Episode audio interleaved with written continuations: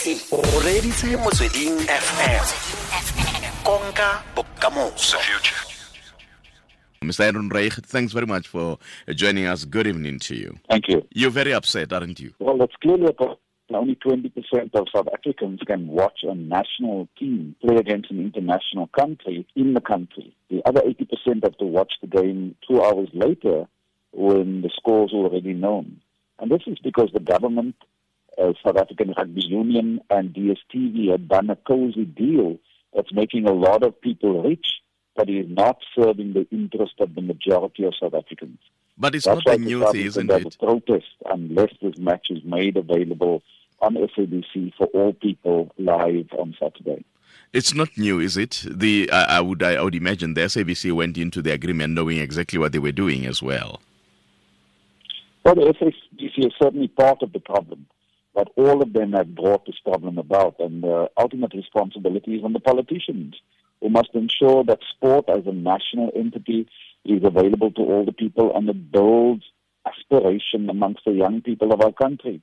There's no excitement about a game that's already known the result of two hours earlier that anybody's going to be watching later. So that has to be addressed by government, SABC, DSTV, and the South African Rugby Union. I do acknowledge that better late than never, but then again, why not last week? Why not before? Why now? I mean, last week the same the same happened when we were playing Australia. So I, I, I'm I'm I'm trying to fathom how the broadcasters, including the SABC, are going to change the agreement that have been in existence for this long in the last match, basically of the tournament. Well, if there's a political will, they can change it. We never took any action last week because that was not in the Western Cape. It's in the Western Cape now. We can go and protest there. And our protest will be directed against all of the people responsible for this. But we'll also be calling on the All Blacks to talk to the International Rugby Union to say about the kind of discrimination in rugby in South Africa. But our protest this week, if we don't have an agreement around making sure the match is available to everybody, will affect the South Africa hosting the World Cup. Now, the South African government had made a available 3 billion rand to underwrite the risk that SARU will take to host this World Cup. SARU can't get money from the government and then not make the sport at one for the people as a whole. That's the people's tax money that's funding that 3 billion rand. It's not SARU's own thing. This is a national issue, and if SARU wants to go it on their own, then we'll make sure that the World Cup doesn't continue, which will lead to the collapse of the sport in South Africa and all of the opportunities that go along with it. We won't have a sports system that works for some people and not for the majority because that's unacceptable.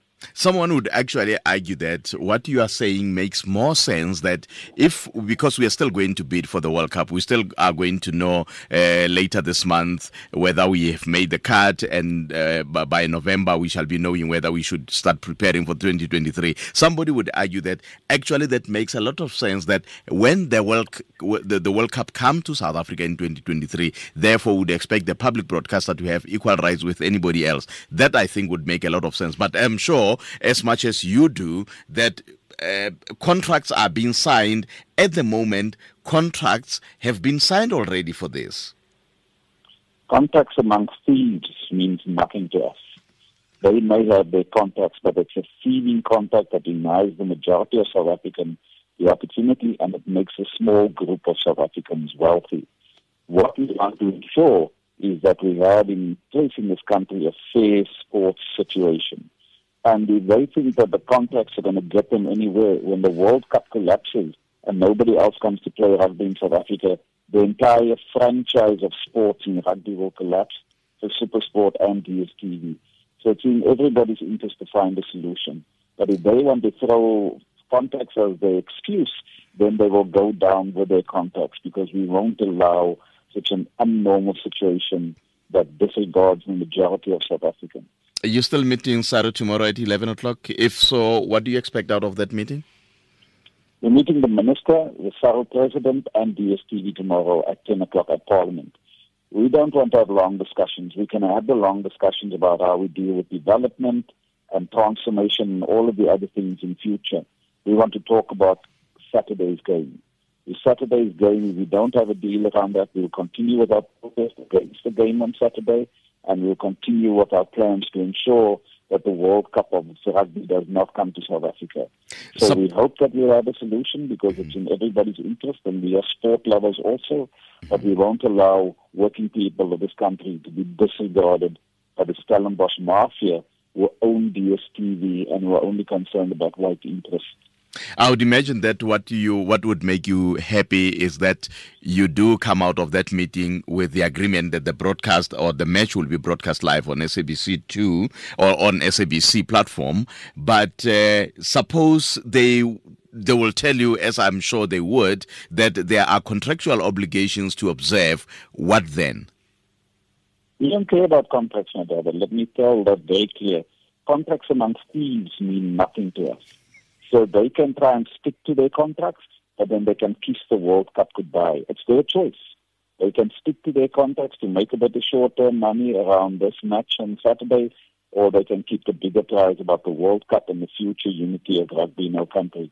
The choice is theirs, but they won't have rugby their way as they've had it in the past. There's got to be changes, and that changes start on Saturday, or there's no more rugby for anybody in this country at an international level.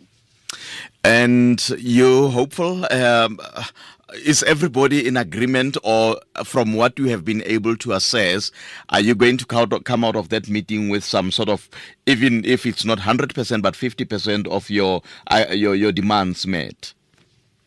Well, these people stole our land. They stole our people's dignity. There's no guarantee when you talk to thieves, but we remain optimistic the right thing for the majority of people in our country will be pushed by the government of our country. It's a sad day that they've allowed this corruption. Then many of them are corrupt themselves in government. So we want that to come to an end and make sure we get the kind of changes that our people deserve starting immediately. You confirm, Tony, that you're meeting Saru, the minister, as well as the broadcast holders. What about the SABC? I suppose they are integral part of the meeting, or should be. Well, the issue really is a non-issue. That we know that the technology exists to transmit the game on the on the SABC platform, so there's not a problem. Once uh, DSTV and SuperSport agrees, then the game can be transmitted. Then it goes ahead and it's transmitted. The issue about whether SABC pays or doesn't pay, we have no interest in that. We want this game for all of our people, and we want to make sure that the SAB people who agreed to exclude or give up on the platform for this, that they, along with government leaders, are held to account. Because the robbery that took place between the South African Rugby Union and DSTV was allowed by thieves amongst our own people. If not, Tony, what happens? Are you going to protest outside the match? Are you going to prevent to prevent the match from taking place? Well, we can't stop the match from taking place. The match will be held because many people have bought tickets and they can do that. But our protest is designed to make sure the world knows what corruption is going on in sport in South Africa and that we lose the World Cup so that those crooks don't continue to make money while the majority of our people have no access to the sport. And how are you able to achieve that? How are you planning to achieve that?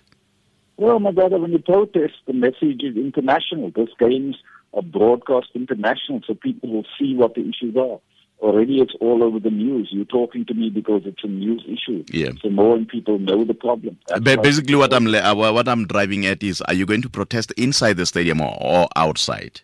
How do we get inside the stadium if we don't have tickets? We'll be making our point outside, and we're confident that the media will carry it, and that internationally people will know what the problem is. But that's not the issue here. Mm-hmm. Those are the modalities of where we stand with the placard.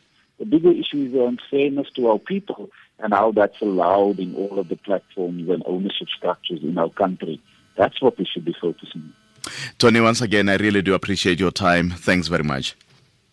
Goodbye. Thank you. Tony Ehrenreich ke mokwaledi wa COSATU kwa ya Western Cape a tlhalosa jalo gore ba tlile go dira ditshupetso go ngongoregela gore tirelokgaso ya aforika borwa sabc ga ena dithata tsa go gasa metshameko ya sejana sa eh, motshameko wa bokhutlho bone ba beke wa aforika borwa le setlhopha sa new zealand